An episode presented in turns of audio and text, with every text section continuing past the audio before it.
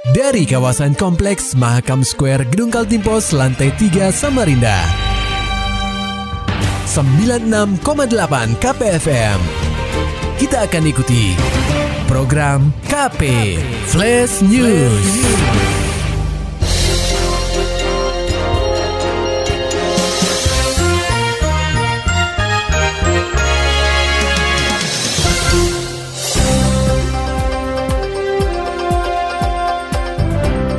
Pendengar KP saat ini Anda sedang mendengarkan program KP Flash News bersama saya Ian Krisna. Pendengar KP Polresta Samarinda membekuk pelaku pencurian berinisial RM. Sebelumnya, pria 42 tahun itu melakukan aksi pencurian di Jalan Polewali 9, Kelurahan Lok Bahu, Kecamatan Sungai Kunjang pada Senin 3 Juli 2023 dini hari. Kapolresta Samarinda Kombes Pol Ari Fadli menerangkan, saat itu pelaku terlihat mondar-mandir di halaman rumah korban. Korban yang saat itu tengah bermain handphone di dalam rumah mendengar langkah kaki pelaku dan mendatanginya. Setelah aksi kepergok oleh pemilik rumah, pelaku mencoba melarikan diri dengan menaiki sepeda motornya, namun gagal setelah korban berhasil menerjang pelaku. Nah, setelah mencoba mengamankan pelaku, korban ditikam di bagian kaki oleh pelaku sehingga gagal mengamankannya. Peristiwa ini membuat korban melaporkan hal yang dialaminya ke Polresta Samarinda. Proses penyelidikan pun segera dilakukan dengan mendatangi lokasi kejadian dan memeriksa saksi-saksi.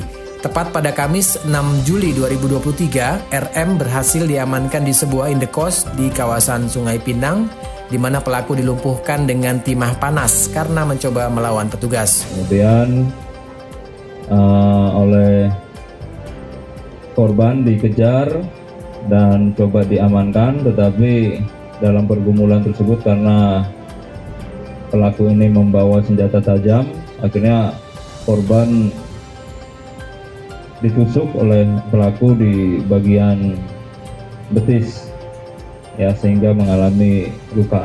Nah dari kejadian tersebut kemudian melaporkan peristiwa tersebut ke pihak kepolisian, kita lakukan penyelidikan dan akhirnya berhasil kita amankan pelaku beserta barang bukti yang ada di depan rekan-rekan sekalian Berdasarkan hasil penyelidikan, ujar Ari, pelaku merupakan seorang residivis kasus pembunuhan di Banjarmasin serta kasus peredaran dan penyalahgunaan narkotika. Atas perbuatannya ini, RM harus kembali mendekam di balik jeruji besi, di mana ia akan dijerat dengan pasal 365 KUHP tentang pencurian dengan pemberatan dan terancam hukuman penjara maksimal 9 tahun. Pendengar KP, operasi patuh mahakam dimulai.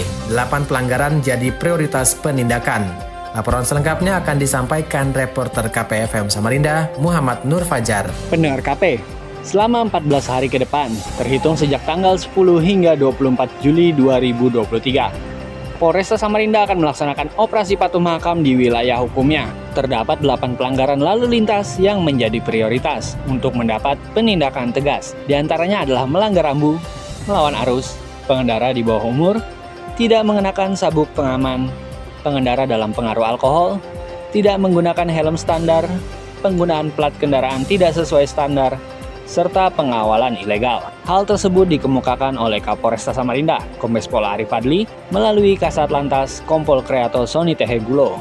Pria yang akrab disapa Gulo ini menegaskan, terdapat satu pelanggaran baru yang menjadi perhatian, yakni pengawalan ilegal. Mengingat hal tersebut sudah menjadi tugas kepolisian, sehingga tidak boleh sembarang orang melakukannya kalau kalau itu jelas mas jelas jelas hmm. itu contohnya seperti ini ada juga kan ini kan kalau relawan kan satu konteks lah mas Siap. karena ada juga contohnya kendaraan-kendaraan masyarakat yang mem- memakai strobo oh, kendaraan-kendaraan ormas yang memakai strobo hmm. hmm, hmm. itu kan tidak boleh semua oh. mengawal hmm. siap siap siap siap itu jadi jadi jangan jangan dipersempit skupnya ke hanya kepada relawan hmm. no itu itu itu salah besar mas hmm. ya skupnya itu luas luas selama pelaksanaan operasi patuh makam 2023. Gulo menekankan bahwa pihaknya akan menerapkan tiga skema penindakan tilang, yakni melalui ETLS statis, ETLE mobile, serta tilang manual. Tilang manual sendiri akan dilakukan sesuai kondisi dan situasi di lapangan. KPFM Samarinda, Muhammad Fajar melaporkan. Pendengar KP setelah lebih dari 8 jam melakukan pencarian terhadap tubuh juragan kapal bernama Jumansah Tim SAR gabungan akhirnya berhasil menemukan jasad pria 52 tahun itu dalam kondisi meninggal dunia pada Senin 10 Juli 2023 sekitar pukul 16.50 waktu Indonesia Tengah.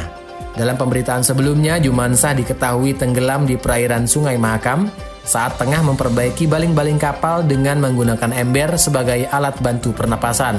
Nah, setelah lebih 20 menit menyelam, hanya ember yang timbul ke permukaan, sementara korban tidak muncul-muncul ke permukaan. Kepala Kantor Pencarian dan Pertolongan Balikpapan, Melkianus Kota, menerangkan korban berhasil ditemukan dalam kondisi meninggal dunia setelah tim SAR gabungan melakukan penyelaman di sekitar lokasi korban menyelam.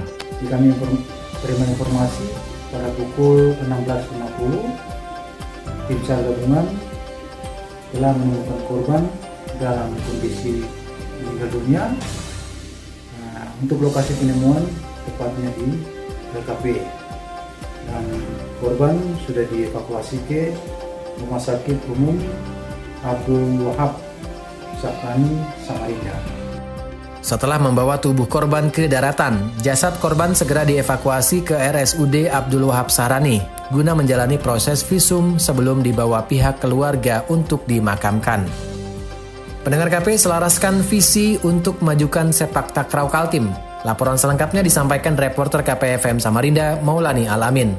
Pendengar KP, pengurus Provinsi Persatuan Sepak Takraw Indonesia atau PSTI Kaltim membahas persiapan menghadapi kualifikasi Pekan Olahraga Nasional atau Prapon dalam rapat kerja. Rapat kerja tersebut berlangsung di ruang rapat Sekretariat Konikaltim Samarinda Sabtu pekan lalu. Dibuka oleh Ketua Konikaltim Rusdian Syaaras, pertemuan tersebut dihadiri delapan pengurus cabang. Sekretaris Pengurus Provinsi PSTI Kaltim Darmin Saleh Balfas menerangkan, forum bersepakat mengenai sosok manajer tim sepak takraw putra dan putri Kaltim di Prapon Jawa Tengah Oktober mendatang. Tim putri ditangani JP Darsono dari pengurus Kabupaten PSTI Kutai Timur. Adapun tim putra ditangani Arianto Juanda dari PSTI Kutai Kartanegara. Adapun komposisi tim, Darmin mengatakan pihaknya masih terus mematangkan persiapan. Untuk komposisi slim, eh, apa untuk kompetisi persiapan prapon itu kita, eh, mereka katanya masih memperlakukan promdek. Jadi mereka nanti tetap akan mengumpulkan dan di situ promdek masih berlakukan dana selek selek prop kalau memang itu masih ada itulah dipakai nanti untuk itu untuk kemudian menentukan eh, sembilan atlet tim terbaik untuk lolos prapon untuk ke prapon. Sekretaris Pengurus Provinsi PSTI Kaltim Darmin Saleh Balfas mengatakan rapat kerja juga membahas evaluasi organisasi dan pembinaan atlet berkelanjutan. KPFM Samarinda, Maulani Alamin melaporkan. Muhammad Nur Fajar, Maulani Alamin, KPFM Samarinda.